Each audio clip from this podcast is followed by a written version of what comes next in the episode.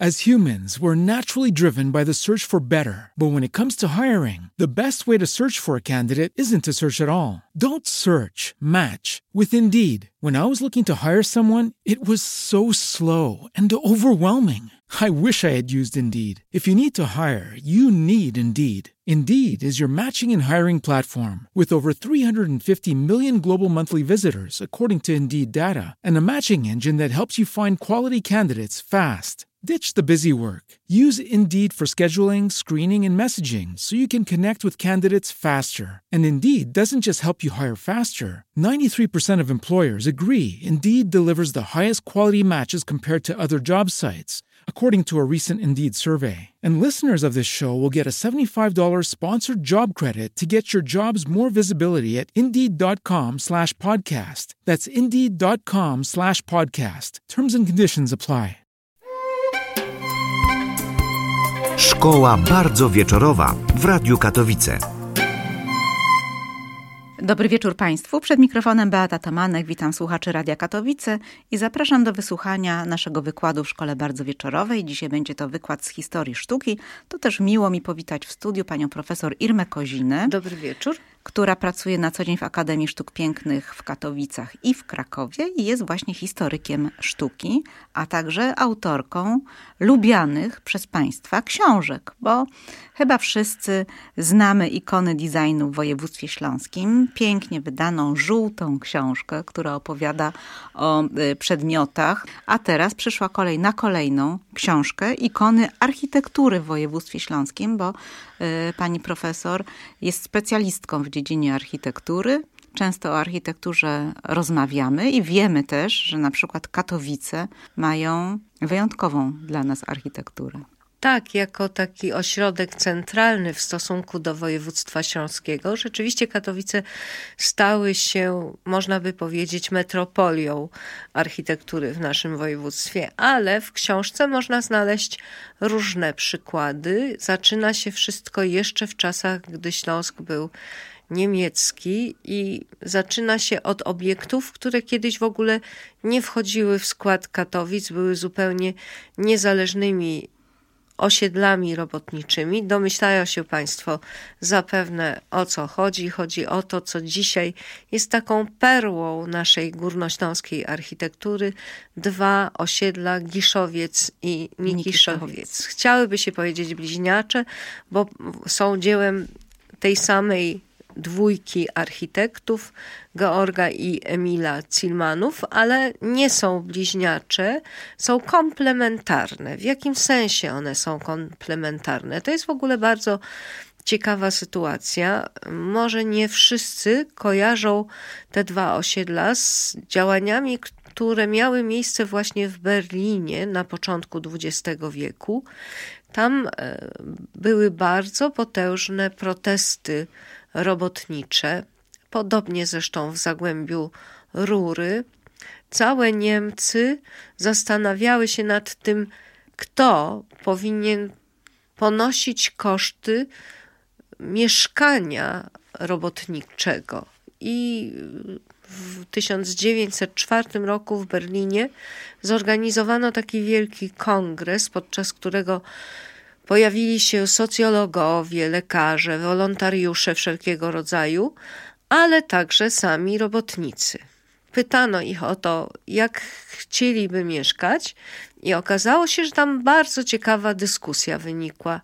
Z jednej bowiem strony do głosu doszli robotnicy, którzy zazwyczaj byli pochodzenia wiejskiego. Można by powiedzieć, że emigrowali ze swoich wiosek do miast i podejmowali w wielkich miastach w ciężkim przemyśle pracę. Natomiast z drugiej strony byli to robotnicy, który, którzy urodzili się na przedmieściach wielkich miast, w blokowiskach, w takich kamienicach gęsto budowanych. Po niemiecku zwano je nawet Mitzkazerne, czyli jakby takie koszary do wynajmowania. I gdy zabrali głos Ci, którzy mieszkali na wsi, mówili, jedyną formą godną zaakceptowania jest maleńki domek usytuowany w ogródku, który pozwala wyizolować jakąś rodzinę i zapewnia tej rodzinie taki komfort odosobnienia, y, intymności, właściwego wychowywania dzieci. Natomiast druga grupa mówiła: Ależ skąd? My nie jesteśmy wieśniakami, my byśmy powiedzieli, oni opowiadali się za tym, że są blokersami. I jako blokersi wcale nie chcieli mieszkać w domkach z ogródkami. Mówili na przykład, zapamiętałam jednego, który mówił: Moja Helga zawsze musi mieć dzieci bawiące się na placu jak idzie prać, to jej sąsiadka patrzy przez okno i widzi, czy te dzieci się bawią. Zazwyczaj wystarczy jakaś jedna gospodyni w takim bloku perymetrycznym, czyli takim, który ma podwórze otoczone kamienicami. I w ten sposób jedna mama pilnuje dzieci wszystkich innych, można wyznaczać dyżury. No tutaj może nie do końca ten, tę koncepcję wtedy zrealizowano, ona jest bardziej dzisiaj uwidoczniona, ale taki był zamysł. I kiedy radca Anton Uteman, który był przedstawicielem firmy Georg von Gisches-Erben, zaprosił Cilmanów na rozmowy, oni mu zrelacjonowali tę dyskusję w Berlinie. A Uteman zadecydował, no to dobrze, to my wybudujemy dwa takie osiedla. Jedno to będzie osiedle domków jednorodzinnych, to będzie taka górnicza wieś, a drugie to będą właśnie bloki mieszkalne, perymetryczne, które mają w środku te place.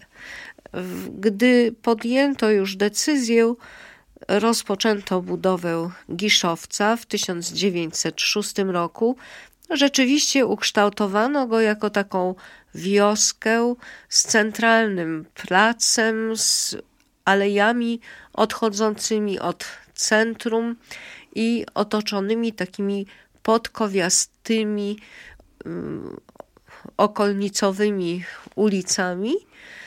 To osiedle zresztą miało bardzo potem smutne losy, ponieważ po II wojnie światowej mniej więcej w latach 60. XX wieku, postanowiono wyburzyć część tych domów, by postawić tam socjalistyczne blokowisko. Tak się też stało. Do walki o, to osiedle wprawdzie przystąpili historycy sztuki, ale także rdzenni mieszkańcy, którzy tam buntowali się. Ten bunt nam jest wszystkim znany z filmu Kazimierza Kuca zatytułowanego paciorki jednego różańca. Efekt był taki, że udało się zatrzymać to wyburzanie w momencie, kiedy dwie trzecie osiedla już przestało istnieć. Tak więc to, co dzisiaj się zachowało, to są jedynie resztki pozostałości pewne dawnej zabudowy, a była ona niezwykle przemyślana i można by powiedzieć w pewien sposób realizująca ideały socjalne tamtej epoki. Przy tym centralnym placu były trzy szkoły, była taka gospoda, i tu muszę Państwa zaskoczyć takim ustaleniem, które dla mnie samej było dość nieoczekiwane. Wprawdzie to się stało dopiero gdy książka już została wydrukowana, przypadkiem czytając o domach kultury i o tradycji domów kultury, e, stwierdziłam, że ten e, typ gospody z taką salą teatralną, e, jaki powstał w Giszowcu, to jest właściwie jeden z najwcześniejszych domów kultury. Dawniej na terenie Niemiec, dziś on jest na terenie Polski. Tak więc mamy tu do czynienia nawet z formami progresywnymi, jak na tamte, na tamte czasy. Ten dom kultury dzisiejszy, a kiedyś właśnie gospoda z salą teatralną, ma zresztą wspaniałe, można by powiedzieć, sklepienie, które za wzór obrało sobie modele brytyjskie być może te elementy brytyjskie, które rozpoznajemy w tych konsumach, przy tym małym ryneczku, jednym słowem przy takich sklepach, które mieściły piekarnię i te najważniejsze obiekty usługowe dla całej osady, Otóż być może ta stylistyka brytyjska wpłynęła na fakt, że Giszowiec był kojarzony z miastem ogrodem, ale idea miasta ogrodu Ebenizera Howarda to jest idea, która zakłada powiedzielibyśmy socjalistyczny twór. Mieszkańcy się składają i za własne pieniądze budują całe miasteczko, które jest miastem ogrodem. Takiej sytuacji absolutnie w Giszowcu nie było. To było patronackie osiedle, tam nikt nie był właścicielem tego domku, wręcz przeciwnie. W czasach, kiedy to było zarządzane przez spółkę Georg von Gisches-Erben w sytuacji, kiedy robotnik tracił pracę w zakładzie, tracił też prawo do mieszkania, do mieszkania w, takim domu. Tu trzeba też wspomnieć o jednej rzeczy. Te domy są urocze. Można by powiedzieć, że one są w takim tak zwanym Heimat Stil, czyli stylu ojczyźnianym, ale też nie do końca. Tutaj się zrealizowała pewna nadzwyczajna idea. Otóż Uteman bardzo chciał, żeby As humans, we're naturally driven by the search for better. But when it comes to hiring, the best way to search for a candidate isn't to search at all. Don't search, match with Indeed. When I was looking to hire someone, it was so slow and overwhelming. I wish I had used Indeed. If you need to hire, you need Indeed. Indeed is your matching and hiring platform with over 350 million global monthly visitors, according to Indeed data, and a matching engine that helps you find quality candidates fast. Ditch the busy work. Use Indeed for scheduling, screening, and messaging so you can connect with candidates faster. And Indeed doesn't just help you hire faster. 93% of employers agree Indeed delivers the highest quality matches compared to other job sites, according to a recent Indeed survey. And listeners of this show will get a $75 sponsored job credit to get your jobs more visibility at Indeed.com slash podcast. That's Indeed.com slash podcast. Terms and conditions apply. Every day, we rise, challenging ourselves to work for what we believe in. At U.S. Border Patrol, protecting our borders is more than a job, it's a calling. Agents answer the call, working together to keep our country and communities safe. If you're ready for a new mission, join U.S. Border Patrol and go beyond. Learn more at cbp.gov/careers. to osiedle Giszowiec miało charakter regionalny, śląski. To też zwrócił się do architektów, do Cilmanów z taką prośbą, żeby oni objeździli Śląsk i zobaczyli, jakie domy są typowe dla Śląska. Oni oczywiście wyruszyli w taką podróż i zinwentaryzowali 40 różnych typów domów, nawet nieco więcej niż 40 różnych typów domów. Oczywiście zazwyczaj były to domy drewniane, kryte gontem. Zaproponowali spółce takie wariacje na temat, czyli pewne rozwiązania, które bazowały na tych regionalnych typach, ale spółka nie zgodziła się, żeby to były domy z drewna, bano się pożarów, dlatego zdecydowano się wybudować te domy z cegły. Tyle tylko, że uznano, że pokrycie gontem jest bardzo zdrowym rozwiązaniem. Specjalnie malarz taki pokojowy wynalazł zaprawę do tego gontu, która przedłużała jego żywotność i uodporniała go na pożary i te domy pierwotnie były kryte gontem, tylko takie publiczne obiekty typu szkoła były kryte dachówkami. Można by wobec tego powiedzieć, że nie mamy dzisiaj ani jednego domu, który byłby oryginalny, bo nie znamy takiego domu, który byłby kryty gontem. gontem właśnie. Wszystkie już dzisiaj są kryte dachówkami na wzór tych publicznych, czyli szkół, gospody, leśniczówki, bo także przy tym centrum była leśniczówka to była dość ciekawa historia, ponieważ to naprawdę było takie autarkiczne, czyli bardzo samodzielne przedsięwzięcie. Tam leśniczy przyjmował opłaty podatków na przykład, bo to nie należało w ogóle do Katowic. To zostało włączone w obręb Katowic dopiero w 1960 roku, więc stosunkowo późno, późno tak jest. I oczywiście komplementarnym osiedlem dla tych powiedzielibyśmy wiejskich domków regionalnych w ogródkach e, było osiedle Nikiszowiec.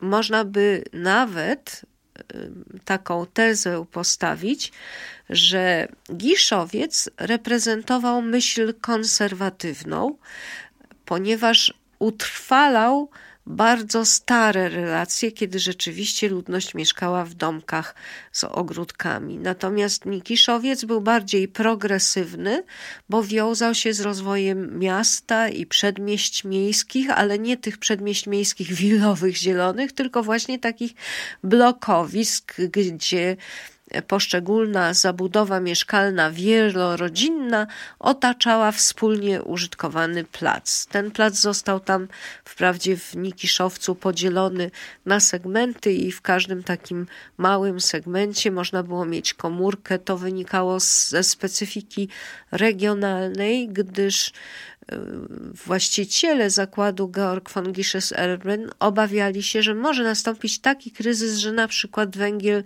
kopalni, y, która należała do spółki, nie będzie sprzedawany i wtedy ci ludzie powinni mieć jakieś utrzymanie najprostsze, czyli koza może dawać mleko, można tam nawet jakieś ziemniaki mieć czy coś innego do jedzenia. Ja pamiętam, gdy pierwszy raz pojechałam do Nikiszowca, to były lata 80. XX wieku. E, spotkałam człowieka i zapytałam, proszę pana, jak to było dawniej, jeszcze w tych czasach niemieckich.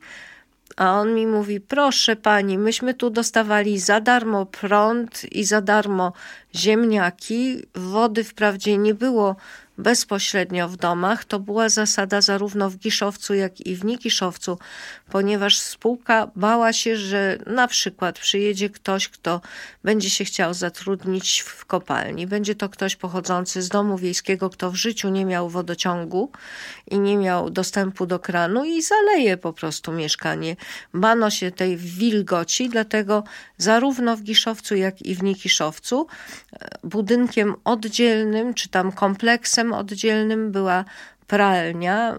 Mężczyźni brali zazwyczaj prysznic w kopalniach, natomiast kobiety przy pralni miały swoją łaźnię i tam mogły także dokonywać takiej większej higieny ciała. Natomiast co 100 metrów były wodociągi, można było na ulicy pobrać wodę i też ciekawie była rozwiązana kwestia utylizacji nieczystości, ponieważ one były przetwarzane w oczyszczalni i wykorzystywane jako nawóz. Można by w tym dostrzec takie myślenie ekologiczne, które charakteryzowało, Cilmanów, ono może nie wynikało wcale z jakiejś troski o ochronę środowiska, raczej wynikało ze względów praktycznych. Trzeba było jakoś te, nie, te odpady cywilizacyjne y, zutylizować i znaleziono na to sposób. Kościół zaplanowano już wcześniej, bo mm, tu jest taka sytuacja, że Giszowiec 1906 początek budowy, Nikiszowiec 1908. My wiemy, że te giszowieckie domy były bielone, miały bardzo piękne dachy z lukarnami, które miały tak zwane wole oko. To jest właśnie cecha Heimatstil niemieckiego. E, o tym pisał właśnie na początku XX wieku Paul Schulze-Naumburg, że on uwielbia te niemieckie domy za to, że mrugają swoim wolim okiem z dachu i są przez to takie przyjazne.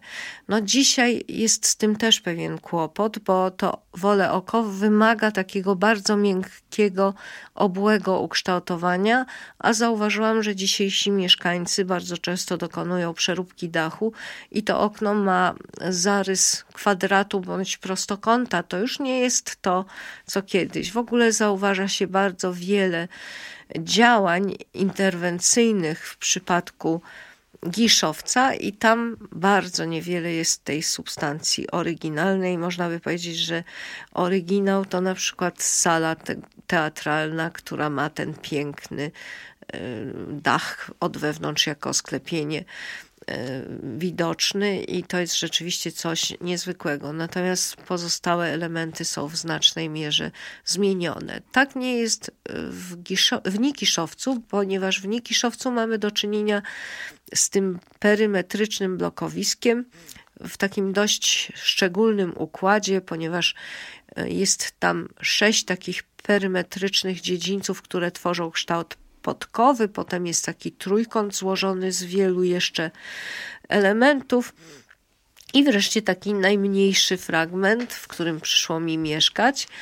E, I to wszystko jest zrealizowane w czerwonej cegle. Czerwona cegła okazała się niezwykle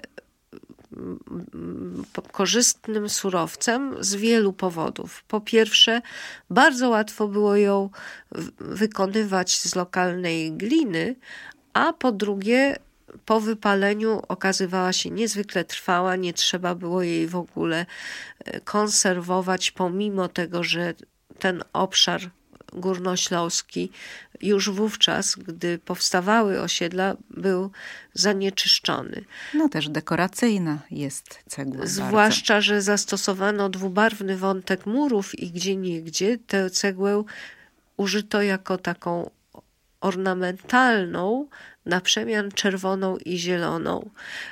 Też można by powiedzieć, że piękna była kiedyś stolarka okienna. Ona została niestety wymieniona.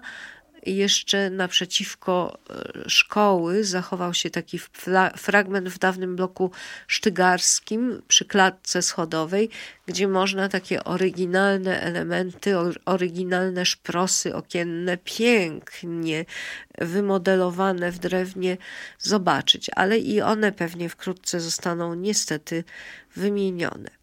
Tak więc bez wątpienia zarówno Giszowiec, jak i Nikiszowiec jako nie tylko architektura, ale także jako założenia urbanistyczne są taką ikoną naszego województwa. Można by powiedzieć, że w przypadku y, Nikiszowca to jest potwierdzone faktem, że naprawdę kilka niemieckich autobusów dziennie przyjeżdża tam z wycieczkami. Te wycieczki się zatrzymują w Nikiszowcu i osiedle jest już bardzo dobrze znane na całym świecie. Nieskromnie powiedziałam, znane na całym świecie, ale tak to się stało w ciągu ostatnich 30 lat, to rzeczywiście nabrało znaczenia. Tym bardziej cieszy fakt, że miasto zdecydowało się tam utrzymywać muzeum. Jak wspomniałam, kościół dodano nieco później, chociaż zaplanowany został w 1910 roku. To jednak pamiętajmy, że to jest czas pruski, czas niemiecki, przepraszam, czas Rzeszy Niemieckiej, czas cesarstwa a cesarstwo zwalcza katolicyzm. Nie wydano zgody na budowę kościoła. Dopiero gdy była pierwsza wojna światowa i Ślązacy ginęli za Niemcy, zdecydowano się umożliwić im odbywanie e, mszy, liturgii, także pogrzebów urządzanie pogrzebów w tym kościele. Więc jego budowa skończyła się w 1922 roku. Można by powiedzieć, że dokładnie wtedy, gdy Śląsk, ta część Śląska stała się Polską. Polska. Tak. Szkoła bardzo wieczorowa w Radiu Katowice. Dzisiaj w Szkole Bardzo Wieczorowej z panią profesor Irmą Koziną rozmawiamy o ikonach architektury w województwie śląskim. Wracamy do książki pod takim właśnie tytułem, żeby przypomnieć historię powstawania budowli, z których dzisiaj jesteśmy dumni. Myślę, że każdy z nas zapytany o ikony architektury naszego regionu potrafiłby wymienić miejsca, które na takie miano zasługują. Ten wybór, którego pani dokonała, jest dla nas poniekąd oczywisty. Muszę powiedzieć, że we wstępie do mojej książki podejmuję taką dyskusję na temat tego, czym jest ikona architektury. Nie jest to wymysł polskiej krytyki architektonicznej w ostatnich latach taka dyskusja przetoczyła się przez Stany Zjednoczone. Tam Charles Jenks, taki teoretyk architektury, zabierał głos w tej sprawie, ponieważ to pojęcie ikona architektury budzi kontrowersje. Co tutaj jest takiego dyskusyjnego? Wszyscy kojarzą ikonę z jakimś kultowym obrazem i w jakim sensie dzieło architektury może być takim kultowym obrazem. Otóż Charles Jenks y, wyjaśnia to następująco. Po pierwsze, jeżeli rzeczywiście coś jest ikoną architektury, to z reguły jest tak, że my ten kształt jesteśmy w stanie narysować na kartce. Czyli jest on tak charakterystyczny, że kilkoma liniami uzyskamy ten kształt na kartce i ktoś, kto to zobaczy, powie: O, rozpoznaję, to jest ta a ta budowla. Ale drugi taki element równie ważny to fakt, że do ikony jeździ się z pielgrzymką. I tak jest w przypadku tych wybranych przeze mnie ikon architektury. To są wszystko obiekty, które są dość znane w polskich dziejach architektury.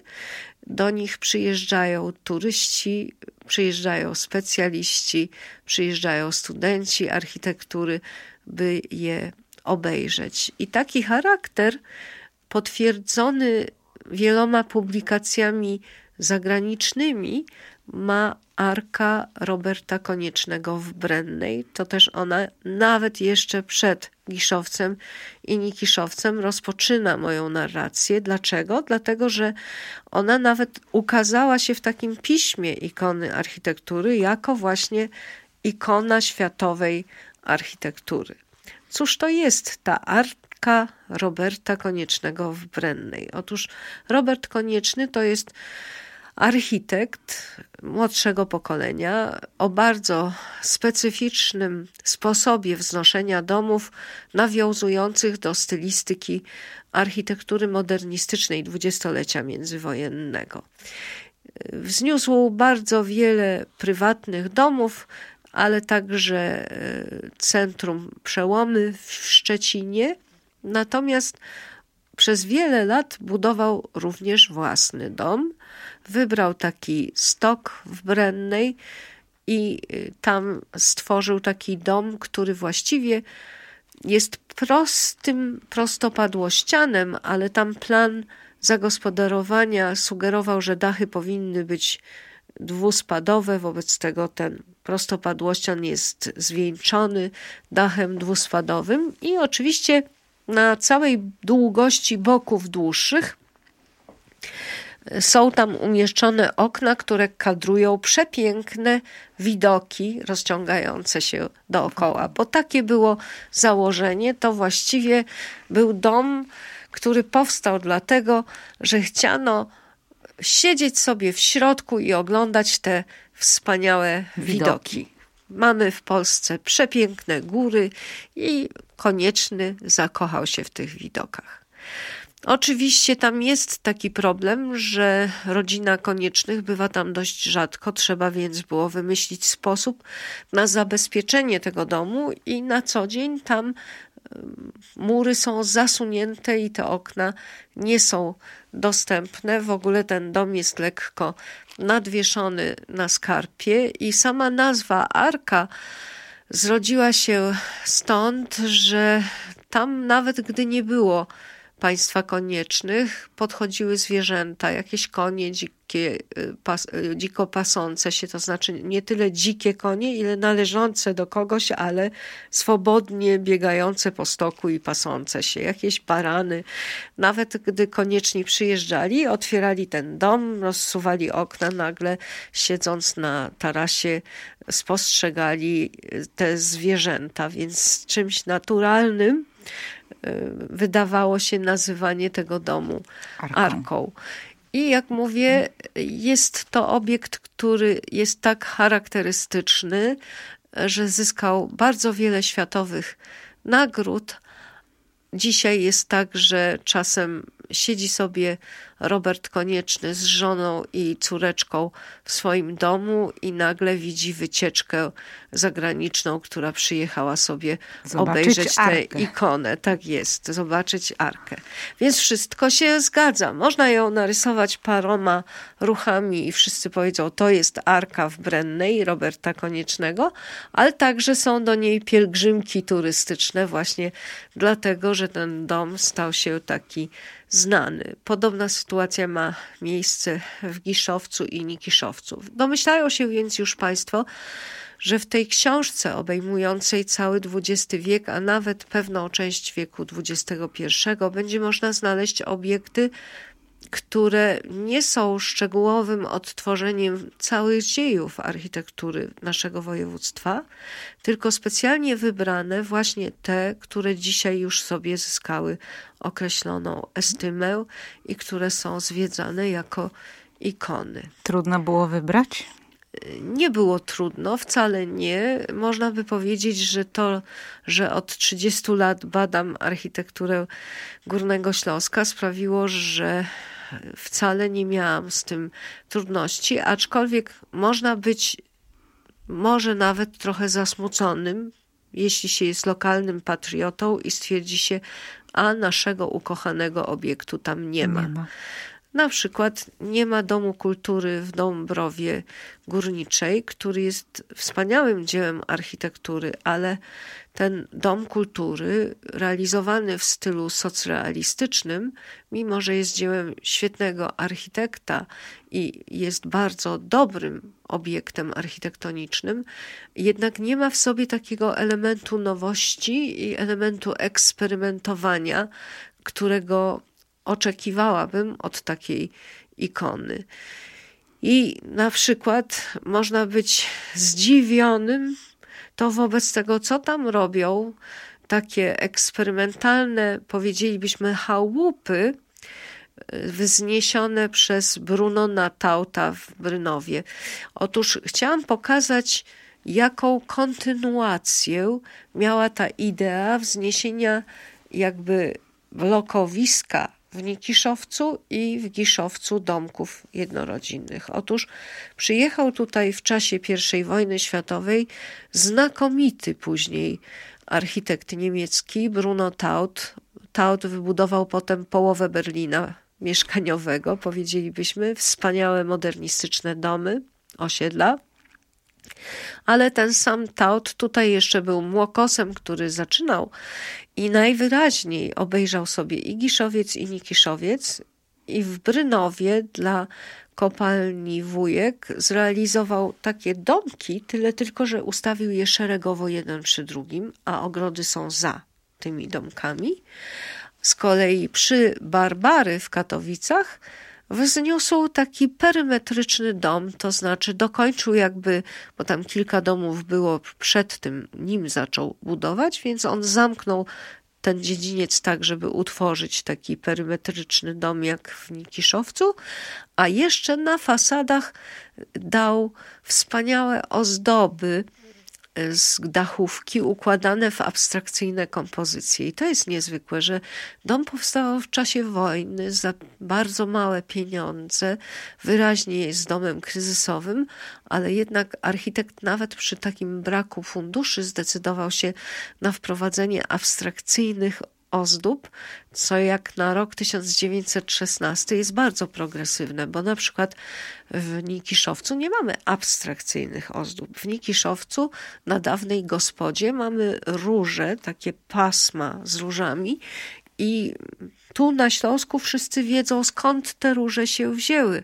Otóż panny w stroju ludowym miały wijanek z takimi dwoma wstążkami, które były wmalowane róże. Podobno każda taka panna sama wymyślała stylizację tych róż, żeby one były inne niż te u jej koleżanki i malowała je osobiście. Czytałam też, że bardzo wiele kobiet młodych na Śląsku y, szyły sobie y, same spódnice i malowały te spódnice także w jakieś ozdobne wzory. Można by powiedzieć, że nasze śląskie kobiety były artystkami i projektantkami mody, mody. zarazem. Tak jest.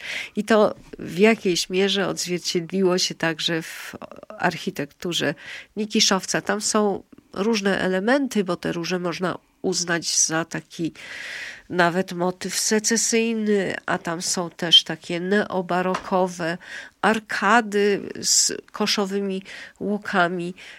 Są wykusze wspaniałe, różnorodnie opracowane klatki schodowe.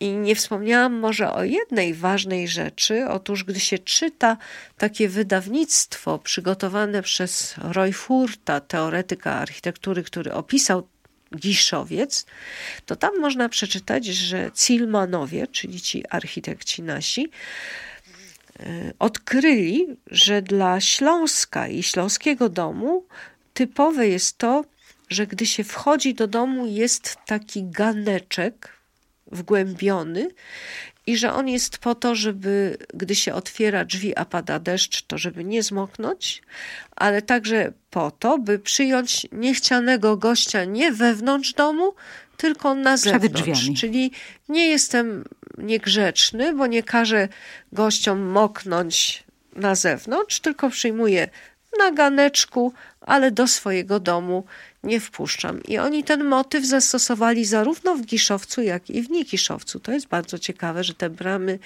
Nikiszowca też są rozwiązane w taki właśnie sposób. sposób. Oni się tym motywem zachwycili jako architekci i zastosowali go tutaj. Tak więc to niezwykle ważny kompleks.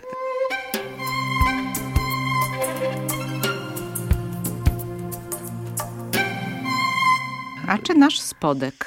Oczywiście, jest. tak jest. W ogóle to ikon. nie wspomniałam o tym jeszcze, ale książkę, podobnie jak tę żółtą, zaprojektowała Zosia Oslislo-Piekarska. I na tej żółtej, na okładce mają Państwo ikony designu. Tak, taki spis treści powiedziałabym. Tak, e, takie ikonki łatwo rozpoznawalne. I tutaj Zosia Oslislo-Piekarska też zrobiła wspaniałą rzecz u góry umieściła trzy ikony reprezentujące założenia urbanistyczne. Plan osiedla A w Tychach, Wilcze Gardło i jako trzeci kompleks właśnie plan Giszowca. I jako czwarty plan Nikiszowca, czyli nawet cztery te ikonki są. Natomiast y, pozostałe ikony to są już budowle poszczególne, więc jest drapacz chmur, jest spodek, jest na przykład kukurydza.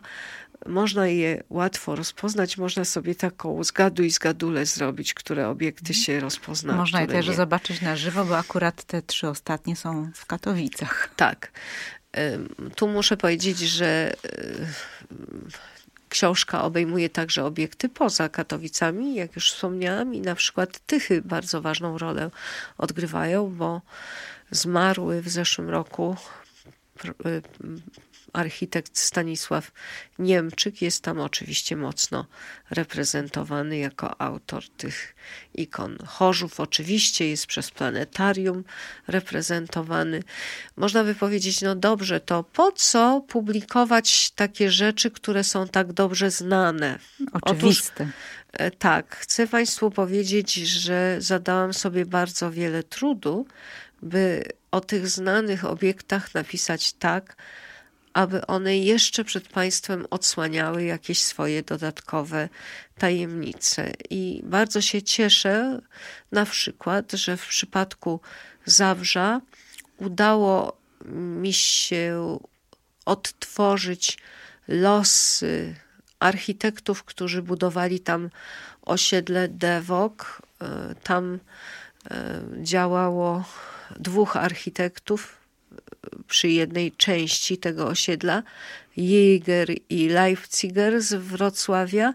Jeden z nich zmienił nazwisko na e, Leipziger Pers, zamieszkał w Stanach Zjednoczonych i tam nie dość, że prowadził zajęcia na jednej z amerykańskich uczelni, to jeszcze w dodatku opowiadał swoim studentom także o tych naszych osiedlach i tam w archiwum nawet znajdują się zdjęcia tych naszych osiedli.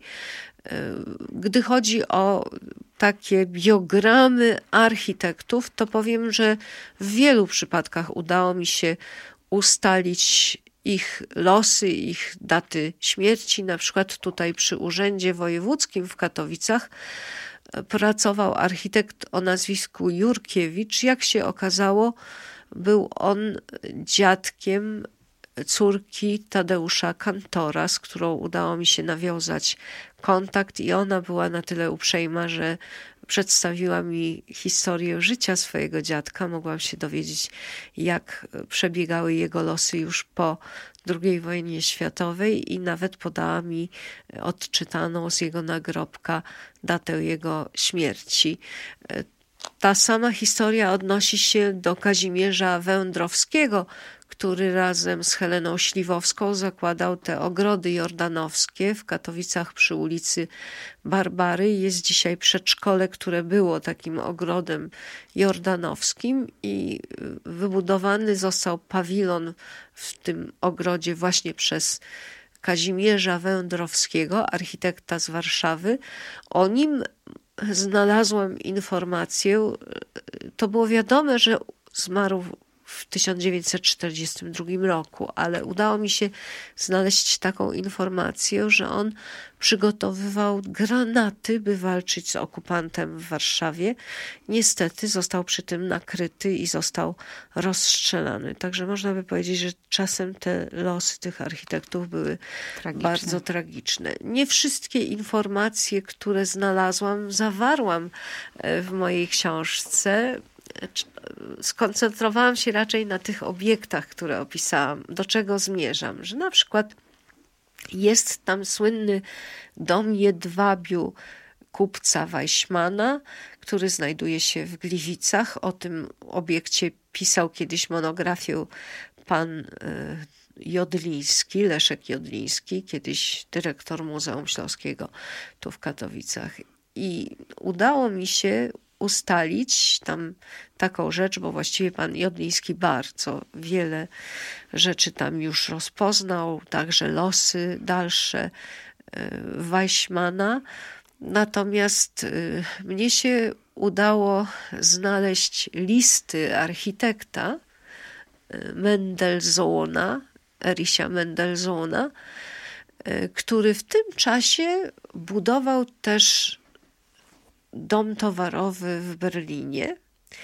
I on w jednym z listów do żony swojej napisał tak: Kochanie, ty się pewnie dziwisz, że ja stosuję w mojej architekturze takie bardzo silne, wystające gzymsy. Ty jesteś muzykiem i grasz na wiolonczeli i wiesz, jaką rolę basy odgrywają w utworze muzycznym. Otóż te moje gzymsy, które mogą się zaczynać na początku budowli, mogą w środku, mogą w dwóch trzecich, e, zarysowują akcenty, które są odpowiednikiem tych muzycznych basów. I muszę powiedzieć, że teraz ilekroć idę w Gliwicach obok Zeidenhaus Weichmann, obok tego domu Jedwabiu, patrzę na te gzymsy, które rzeczywiście zaczynają się w różnych miejscach i w różnych miejscach się kończą, jak na takie muzyczne basy. Można by powiedzieć, że zmieniłam sposób patrzenia, patrzenia. na architekturę dzięki takiej informacji. A czego nie zawarłam, co też mnie tak zainspirowało, zainteresowało, otóż w tym czasie e, Erich Mendelssohn był niezwykle zajęty, bo budował dom handlowy w Berlinie, we Wrocławiu i jeszcze tu w Gliwicach. I efekt był taki, że mało bywał w domu. Żonę swoją zaniedbał. Tymczasem wykorzystał to taki, powiedzielibyśmy, marksista, komunista, poeta, który nie miał zatrudnienia, często osiadywał u pani Mendelssohnowej, tak ją w sobie zachwycił, rozkochał, że ona zagroziła Mendelssohnowi, że ona odejdzie od niego, ponieważ czuje się zaniedbana i opuszczona. I Mendelssohn zawalczył pomimo tych wielu Lucky Land Casino asking people what's the weirdest place you've gotten lucky? Lucky? In line at the deli, I guess? Aha, in my dentist's office. More than once, actually. Do I have to say? Yes, you do. In the car before my kids' PTA meeting. Really? Yes. Excuse me, what's the weirdest place you've gotten lucky? I never win and tell. Well, there you have it. You can get lucky anywhere playing at LuckyLandSlots.com. Play for free right now. Are you feeling lucky? No purchase necessary. Void where prohibited by law. 18 plus. Terms and conditions apply. See website for details. Hey guys, it is Ryan. I'm not sure if you know this about me, but I'm a bit of a fun fanatic when I can. I like to work, but I like fun too. It's a thing. And now the truth is out there. I can tell you about my favorite place to have fun. Chumba Casino. They have hundreds of social casino style games to choose from with new games released each week. You can play for free anytime, anywhere and each day brings a new chance to collect daily bonuses. So join me in the fun. Sign up now at ChumbaCasino.com. No purchase necessary. VGW. Void were prohibited by law. See terms and conditions. 18 plus. Zajęć postanowił wybudować dla niej willę w Poczdamie i podarował jej tę willę jako taki prezent po to, by zechciała z nim zostać i dzięki tej willi ją odzyskał. Prezent został przyjęty? Prezent został przyjęty, małżeństwo zostało Utrzymane. uratowane, a on może nauczył się trochę bardziej gospodarować czasem tak, żeby tej żony jednak nie zaniedbywać, bo pamiętajmy, to były jeszcze takie czasy, w których kobieta właściwie nie podejmowała, jeśli była żoną znakomitego architekta, to nie podejmowała pracy, tylko raczej była taką panią domu. domu. więc ona dostała dom, żeby być panią domu. Dom. Tak byśmy to określili. Wśród e, tych najnowszych ikon designu architektury, ikon architektury w województwie śląskim, co się znalazło? E, tych po drugiej połowie XX wieku. E, oczywiście. E, A za... nawet XXI. A tak, to te zamykające książkę to oczywiście jest nasze centrum, bo tutaj nasza oś kultury, bo tu powinnam wspomnieć na początku, że wydawcą książki jest Muzeum Śląskie. To też trudno nie oczekiwać tego, że będzie w książce mowa zarówno o tym ikonicznym muzeum Karola Szajera z dwudziestolecia międzywojennego, jak i o tej nowej siedzibie, której autorami są architekci z Gracu, Rigler i Rive. Tak więc cała oś kultury jest tam opisana, i tu muszę opowiedzieć o takiej swoistej przygodzie. Otóż y, zazwyczaj by, było tak, że pracując nad tą książką, kontaktowałam się z żyjącymi architektami, których dzieła tam y, są opisane, i muszę ze smutkiem stwierdzić, że spotykałam się także w tej pracy e, z panem Jerzym Gottfriedem, z panem Henrykiem Buszko i z panem e, Aleksandrem Frantą, którzy zmarli przed wydaniem książki. Nie mogliby jej, nie mogą jej nigdy więc mieć w swoim ręku, a na pewno zawdzięczam im bardzo wiele informacji udzielonych mi podczas wywiadów z nimi, więc te informacje zostały w książce zawarte.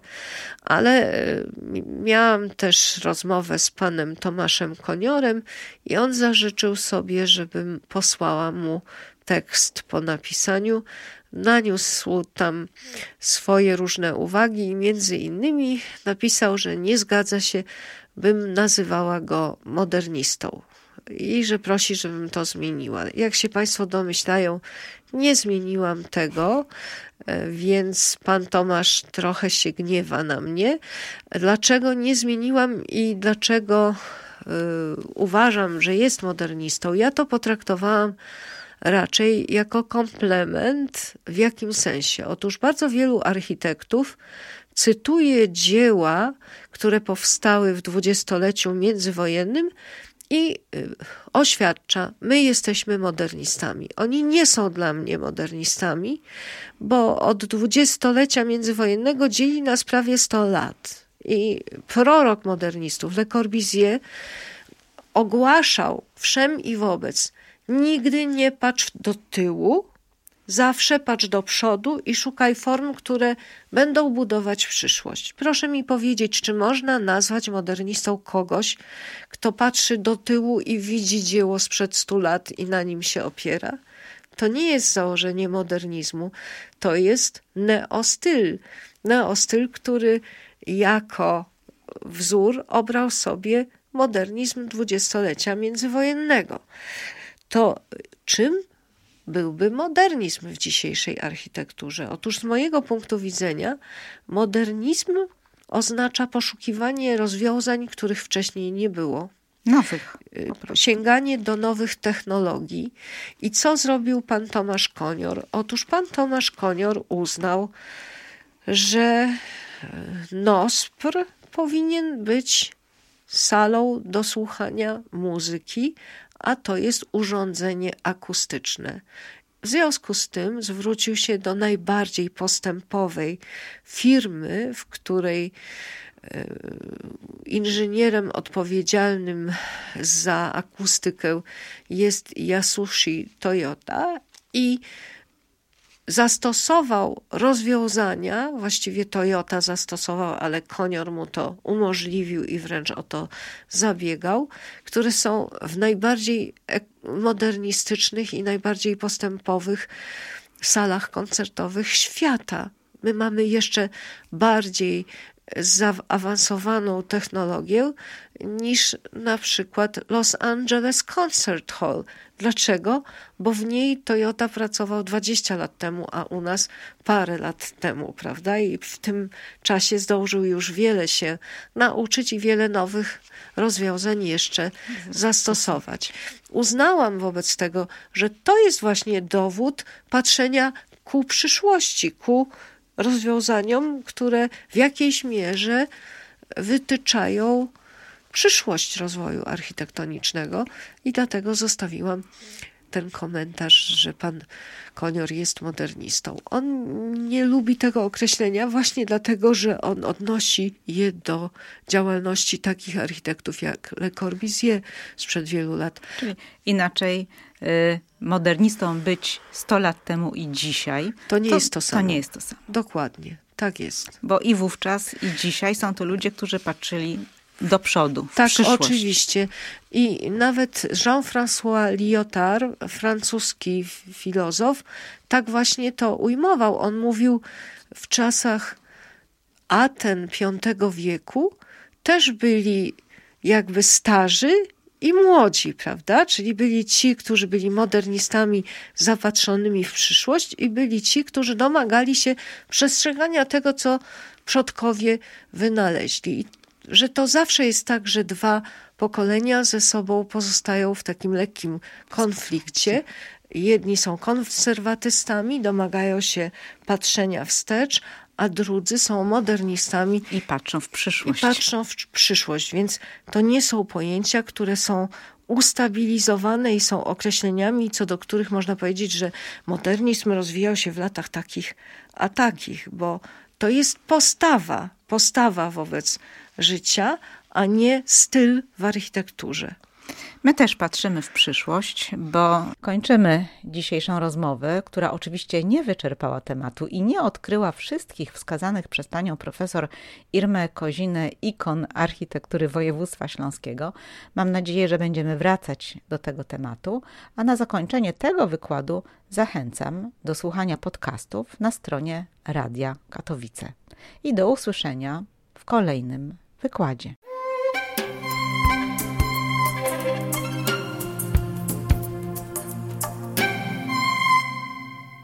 Hello, it is Ryan, and we could all use an extra bright spot in our day, couldn't we? Just to make up for things like sitting in traffic, doing the dishes, counting your steps, you know, all the mundane stuff. That is why I'm such a big fan of Chumba Casino. Chumba Casino has all your favorite social casino style games that you can play for free anytime, anywhere with daily bonuses. That should brighten your day a little.